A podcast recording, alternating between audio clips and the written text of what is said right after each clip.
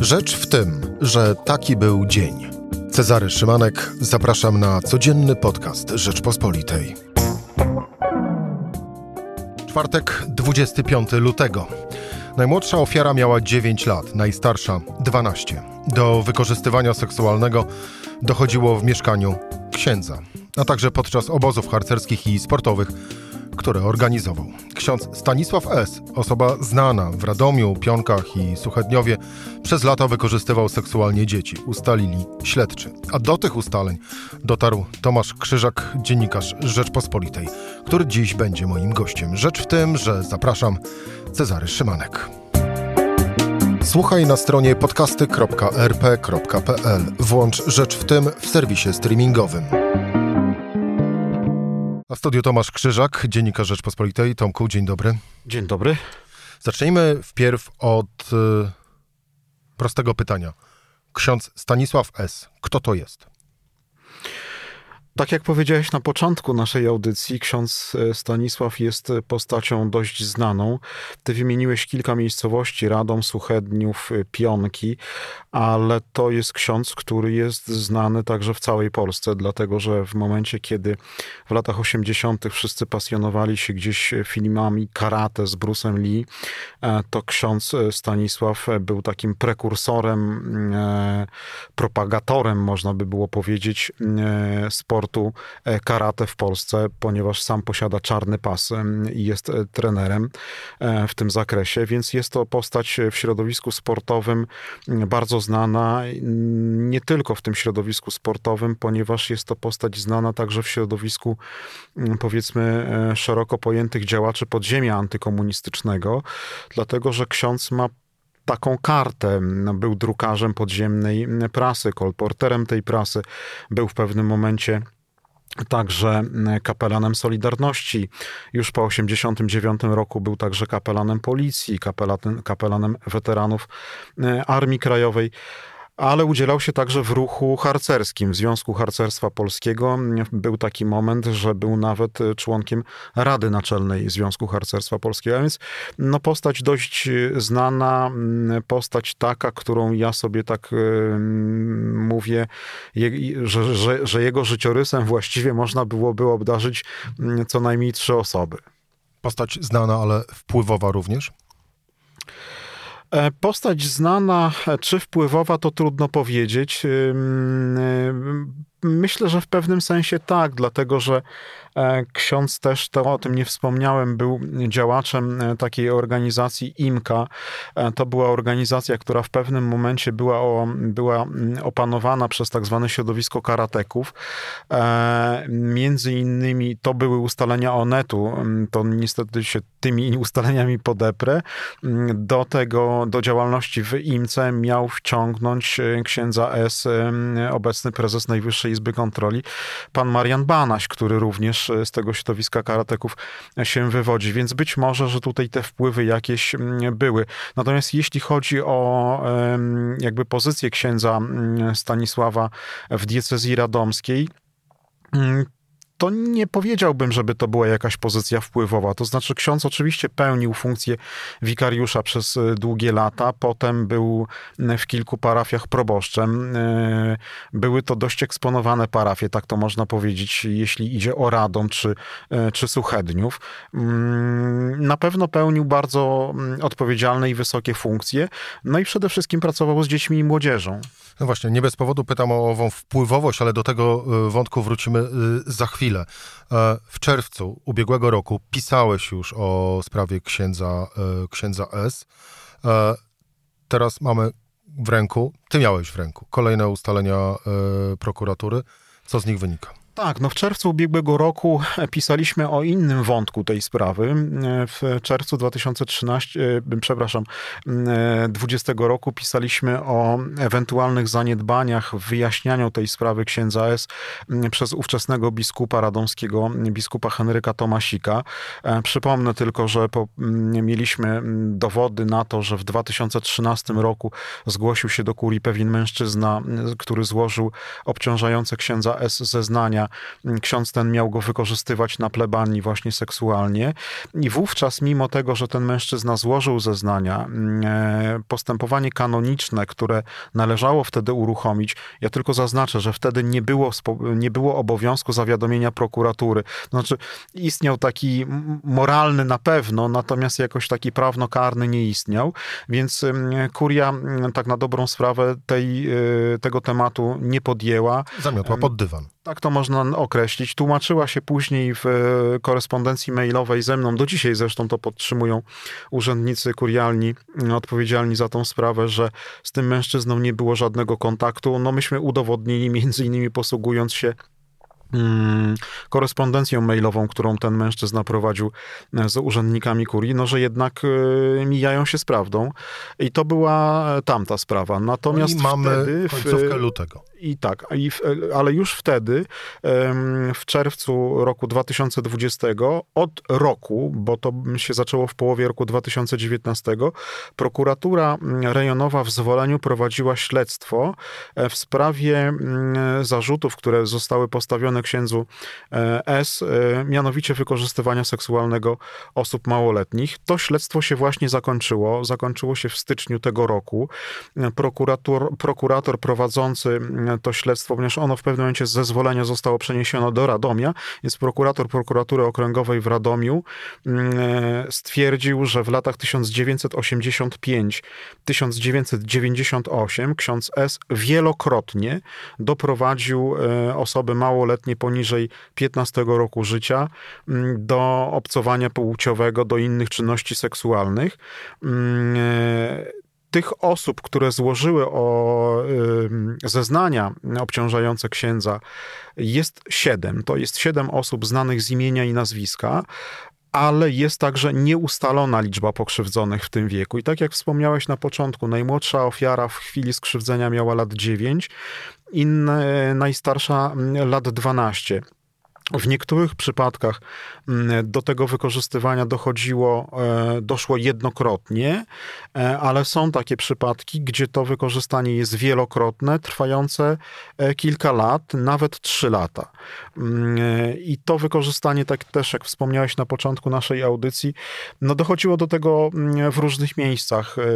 Czy to właśnie mieszkanie prywatne księdza, jego dom rodzinny, czy mieszkanie, czy też mieszkania na parafiach, w których on posługiwał, czy też właśnie obozy harcerskie, zimowiska harcerskie, ale także te sportowe związane z karate. Ksiądz miał bardzo taki, bym powiedział... Te, te obozy ów ksiądz sam organizował? Tak, bardzo często te obozy ksiądz organizował sam. E, na niektórych z tych obozów, jak wynika z ustaleń prokuratury, był jedynym opiekunem.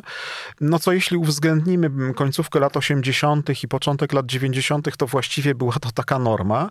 Dzisiaj już byłoby to niemożliwe. Natomiast na, na wielu tych obozach był jedynym opiekunem, no może miał kogoś tam Co, Sam stwarzał innego. sobie warunki do popełniania tych przestępstw?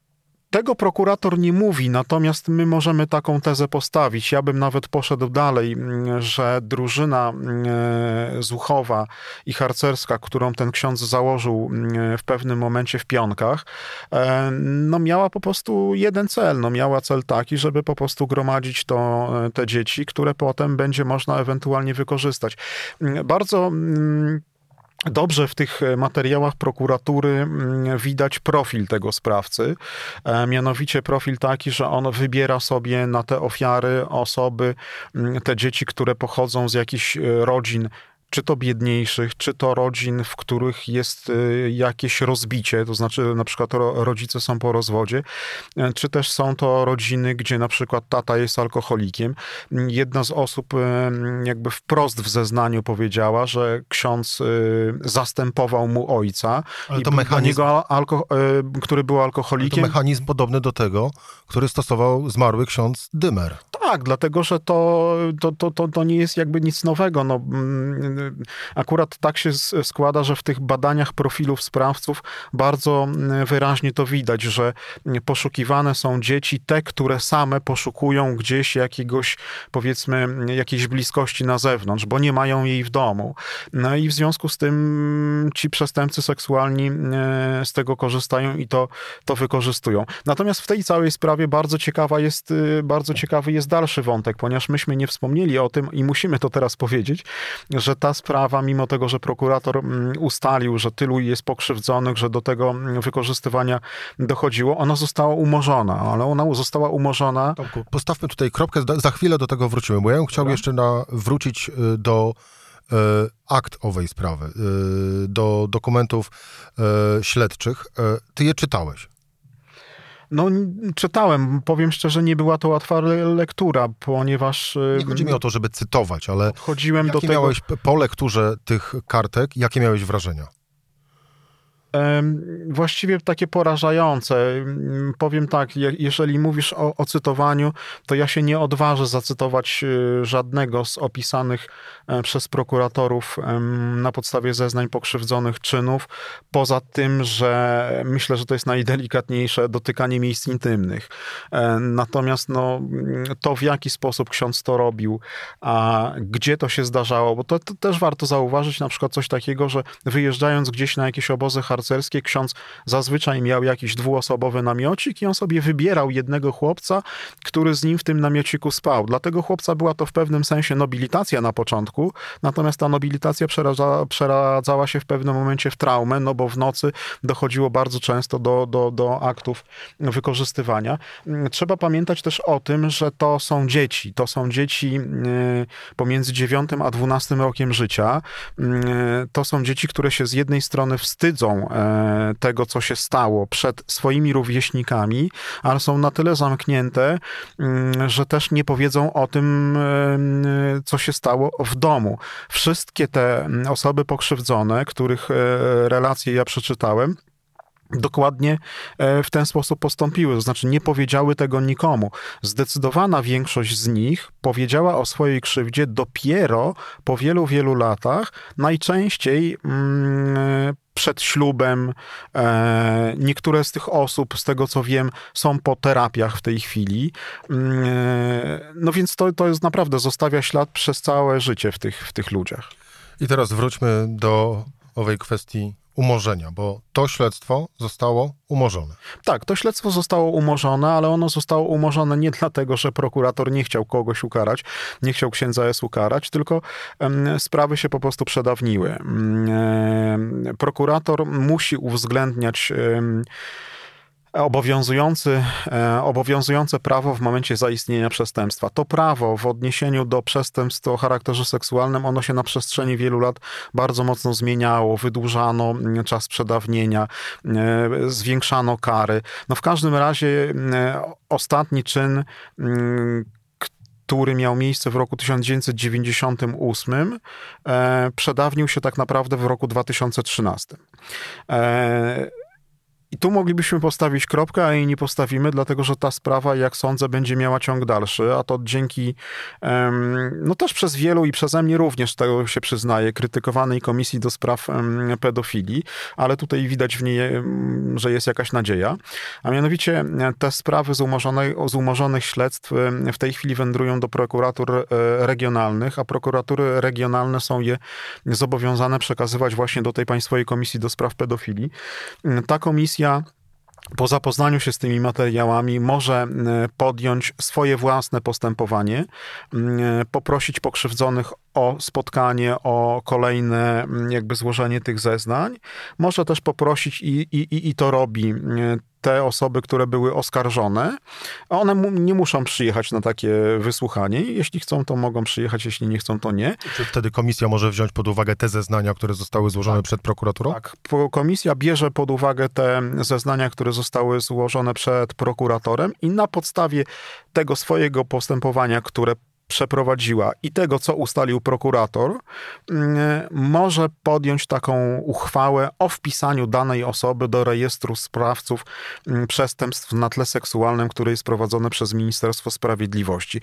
No i taka osoba będzie tam widniała. Oczywiście ona ma jeszcze jedną możliwość odwołania się do sądu, ale no jeszcze tego nie, ćwiczyli, nie ćwiczyliśmy w Polsce, więc trudno powiedzieć, jak, jakby to, to wyglądało. To jest jedna rzecz. Natomiast pan prokurator poszedł jeszcze dalej, ponieważ ta sprawa, tak jak wspomniałem, jest wielowątkowa i w tych dniach, dokładnie 18 lutego, skierował do sądu rejonowego w Zwoleniu akt oskarżenia przeciwko księdzu.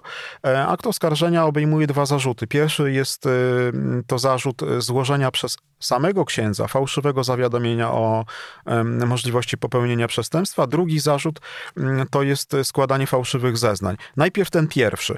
Otóż mm, pewne informacje dotyczące mm, tego, że ksiądz wykorzystuje seksualnie osoby małoletnie w Radomiu, w Pionkach czy w Suchedniowe, w tych miejscach, w których on pracował, to była taka tajemnica Poliszynela. O tym się mówiło. E, ale jakby nikt nie miał na to specjalnych dowodów. W 2018 roku do różnych instytucji mm, państwowych, w tym innymi do Związku Harcerstwa Polskiego, wpłynęły anonimowe listy, w których księdza właśnie mm, no, pomawiano. Tak? No, znaczy on uznał, że to jest pomówienie. I w związku z tym e, złożył doniesienie do prokuratury, że on jest zniesławiany, pomawiany, że ktoś szkaluje jego dobre imię, a on tych czynów nie popełnił. I w toku prowadzonego wówczas postępowania mm, dwukrotnie składał e, zeznania, dwukrotnie e, na pytania prokuratora, czy ksiądz kiedyś dopuszczał się takich mm, czynów, odpowiadał, że nie, zaprzeczał temu. Ponieważ te listy, tak jak mówię, były anonimowe, nie udało się ustalić ich autorów, więc błyskawicznie to postępowanie zamknięto, umorzono, ale kilka miesięcy później mm, wpłynęły do prokuratury doniesienia mm, dotyczące księdza S e, podpisane już przez konkretne osoby, przez konkretne osoby krzywdzone. Więc ruszyło śledztwo w jego sprawie. Mm, e, tamtą umorzoną sprawę prokurator wyjął sobie z szafy, ja to tak powiem, na biurku, żeby mu troszeczkę kurzem zarosła. No ale teraz, w momencie, kiedy doszedł do wniosku po półtorej roku, że jednak do wykorzystywania seksualnego małoletnich dochodziło, to znaczy, że ksiądz e, w tamtym czasie, w 2018 roku, złożył fałszywe zawiadomienie o, przes- e, o popełnieniu przestępstwa, działając z góry, ze z góry powziętym zamiarem jakiejś swojej obrony, próby wybielenia się. No i w związku z tym na tej podstawie postawił mu zarzut złożenia fałszywego zawiadomienia o przestępstwie, a drugi zarzut y, pochodzi z tego umorzonego już śledztwa, ponieważ ksiądz był wielokrotnie mm, e, przesłuchiwany mm, i uprzedzany o odpowiedzialności karnej za składanie fałszywych zeznań.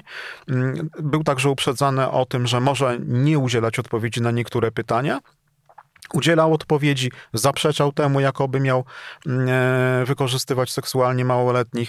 No więc w związku z tym prokurator stwierdził, że nie ma innego wyjścia, po prostu mm, formułuje jak to oskarżenia i skierował go do, do sądu mm, rejonowego w Zwoleniu. Nie wiemy, kiedy się ewentualnie rozpocznie e, tam sprawa, no bo jest ona dość, dość świeża. Ale to też pokazuje to, że w momencie, że kiedy można. się chce, e, to można, tak? Znaczy nie chciałbym tu powiedzieć czegoś tego, że jak się chce, to się paragraf znajdzie. Nie, nie, nie, nie. nie. Jak się chce generalnie poważnie podejść do tematu, to można ten temat powiedzmy zaatakować z różnych stron. No i jest jeszcze kolejny wątek tej sprawy, to jest ten wątek postępowania mm, kościelnego. Właśnie, miałem cię o to pytać. Czy Kościół cokolwiek robi w tej sprawie? Wbrew pozorom okazuje się, że tak. Nie wiem, czy to uruchomiła nasza publikacja z czerwca ubiegłego roku, czy nie. Mm, trudno powiedzieć. W każdym razie w diecezji radomskiej w ubiegłym roku ruszyło wstępne dochodzenie kanoniczne przeciwko księdzu mm, S. To jest taki pierwszy etap.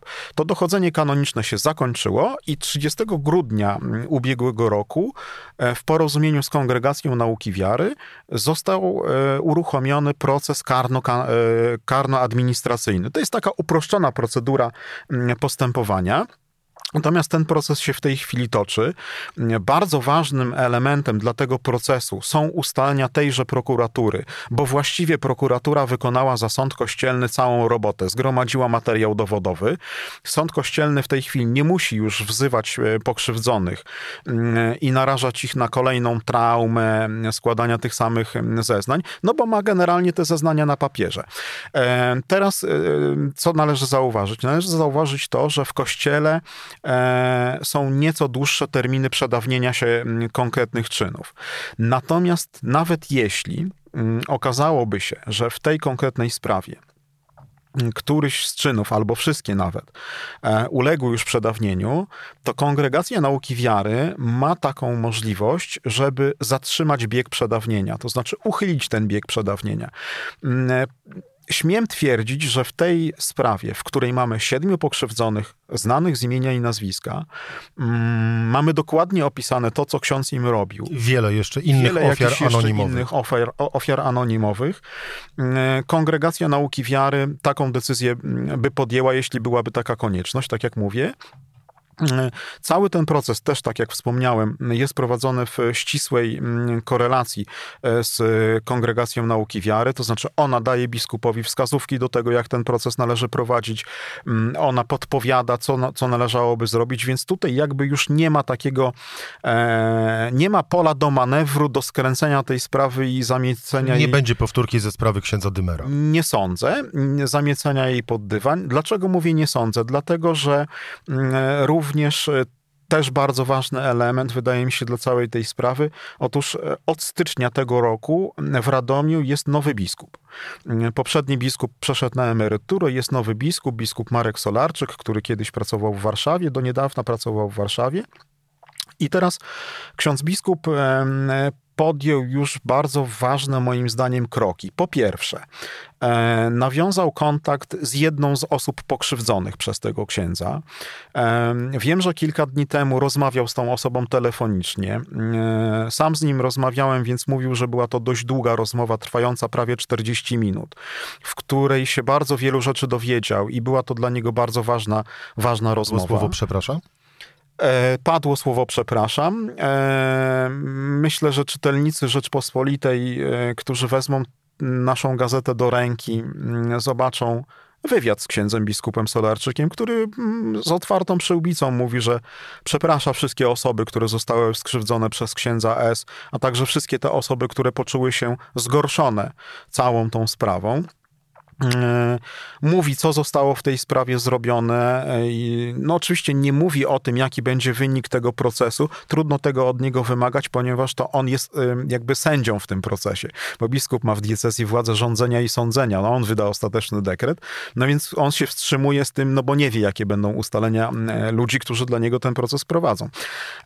Natomiast, no, rzeczywiście pada to słowo przepraszam no i, i, i pada bardzo ważny apel, mianowicie apel taki, żeby osoby wszystkie osoby, które czują się w jakikolwiek sposób, znaczy które nie czują się, tylko które w ogóle zostały skrzywdzone przez kogokolwiek w kościele, czy to w kościele radomskim, czy w ogóle, e, miały odwagę, żeby przyjść i to po prostu zgłosić. Ksiądz biskup mówi, że on jest zdeterminowany do tego, żeby to wyjaśnić, że wszyscy winni tego typu zaniedbań powinni zostać sprawiedliwie ukarani, że coś takiego nigdy nie powinno mieć miejsca.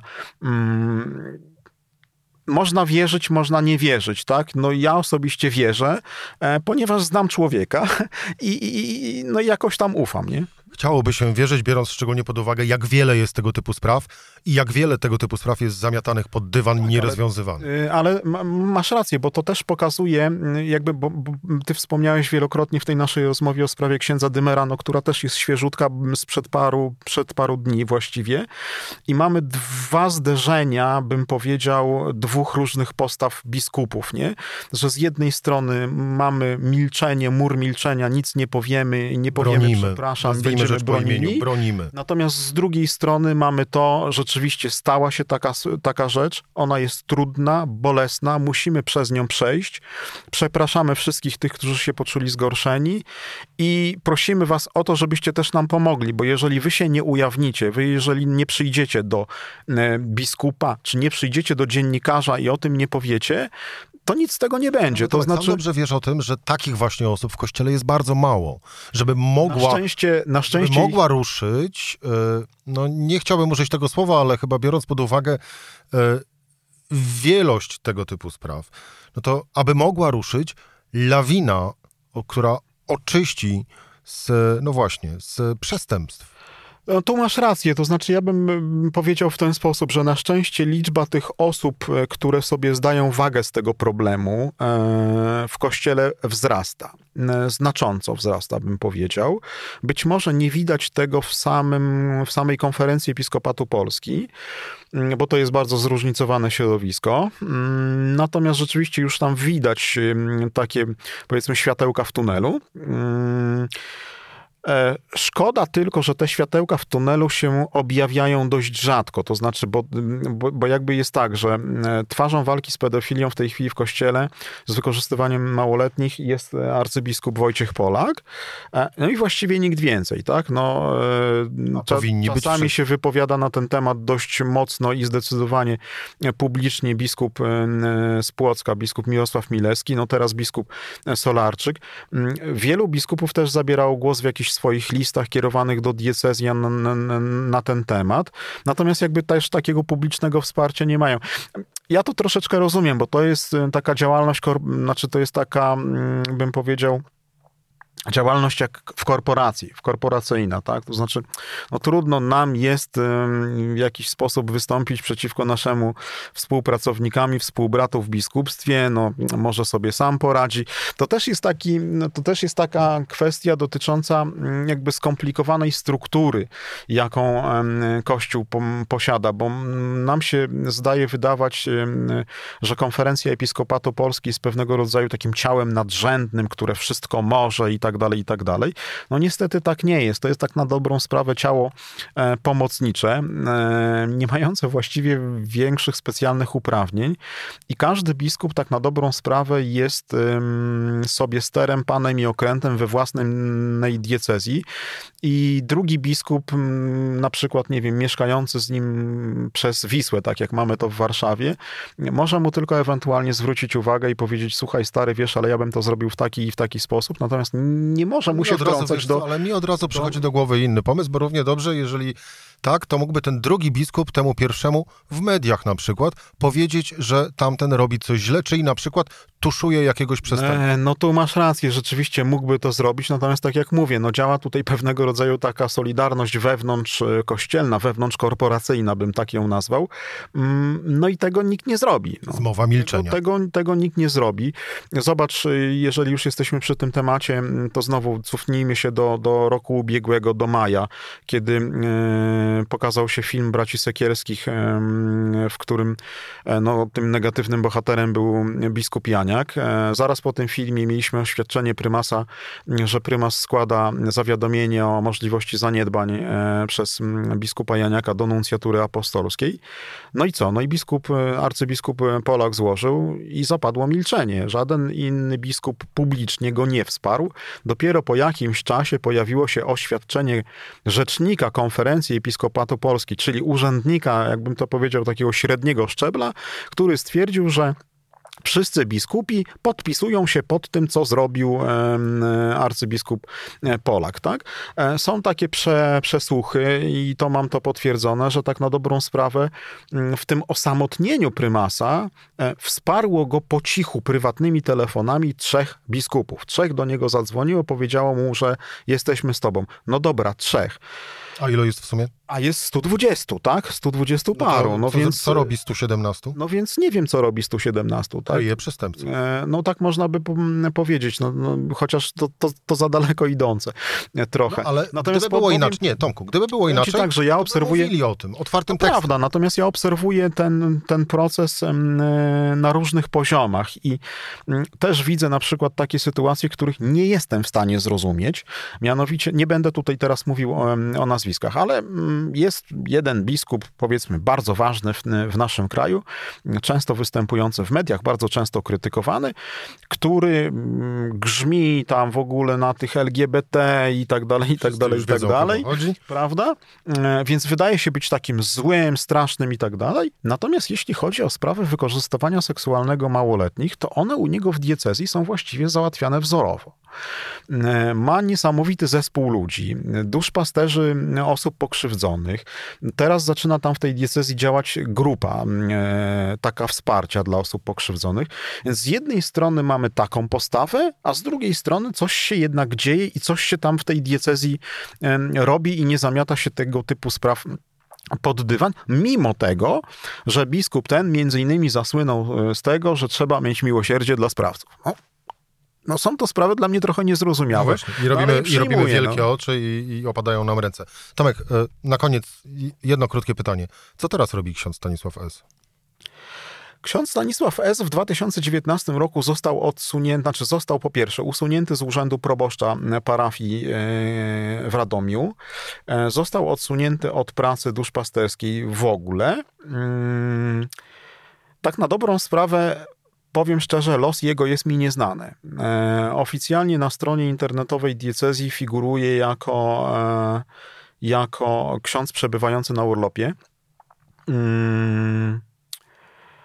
Podobno mieszka w jakimś prywatnym mieszkaniu, ale niestety adresu nie ustaliłem, telefonu nie ustaliłem, bo szczerze mówiąc, no, wypadałoby też do niego zadzwonić. Natomiast no, nie mam takiej możliwości. E, nie mam takiej możliwości. Powiem tak, mm, że ja zwróciłem uwagę na to mm, właśnie biskupowi Solarczykowi w rozmowie, kiedy rozmawialiśmy przez telefon, że osobiście dla mnie słabo to wygląda. E, bo mm, Oczekiwałbym jednak tego, że w sytuacji, być może, że to się stanie po publikacji Rzeczpospolitej, kiedy wszyscy się dowiedzą, jakie są e, ustalenia prokuratury, że jednak ten ksiądz będzie przebywał na przykład w domu księdza emeryta pod nadzorem jakimś. Tak, aby na przykład nie miał, przykład okazji, nie miał okazji prawda, i kontaktów. Bo no, jeżeli on mieszka w swoim domu prywatnym, no to nikt nie ma nad nim kontroli. No sorry. Za to akurat y, ty nie powinieneś przepraszać, tylko raczej, y, raczej Kościół, który tak naprawdę, którego członkiem jest ksiądz Stanisław y, S. Tomasz Krzyżak, dziennikarz Rzeczpospolitej. Tomku, bardzo dziękuję ci za rozmowę. Bardzo dziękuję. To była rzecz w tym w czwartek. Cezary Szymanek do usłyszenia w poniedziałek.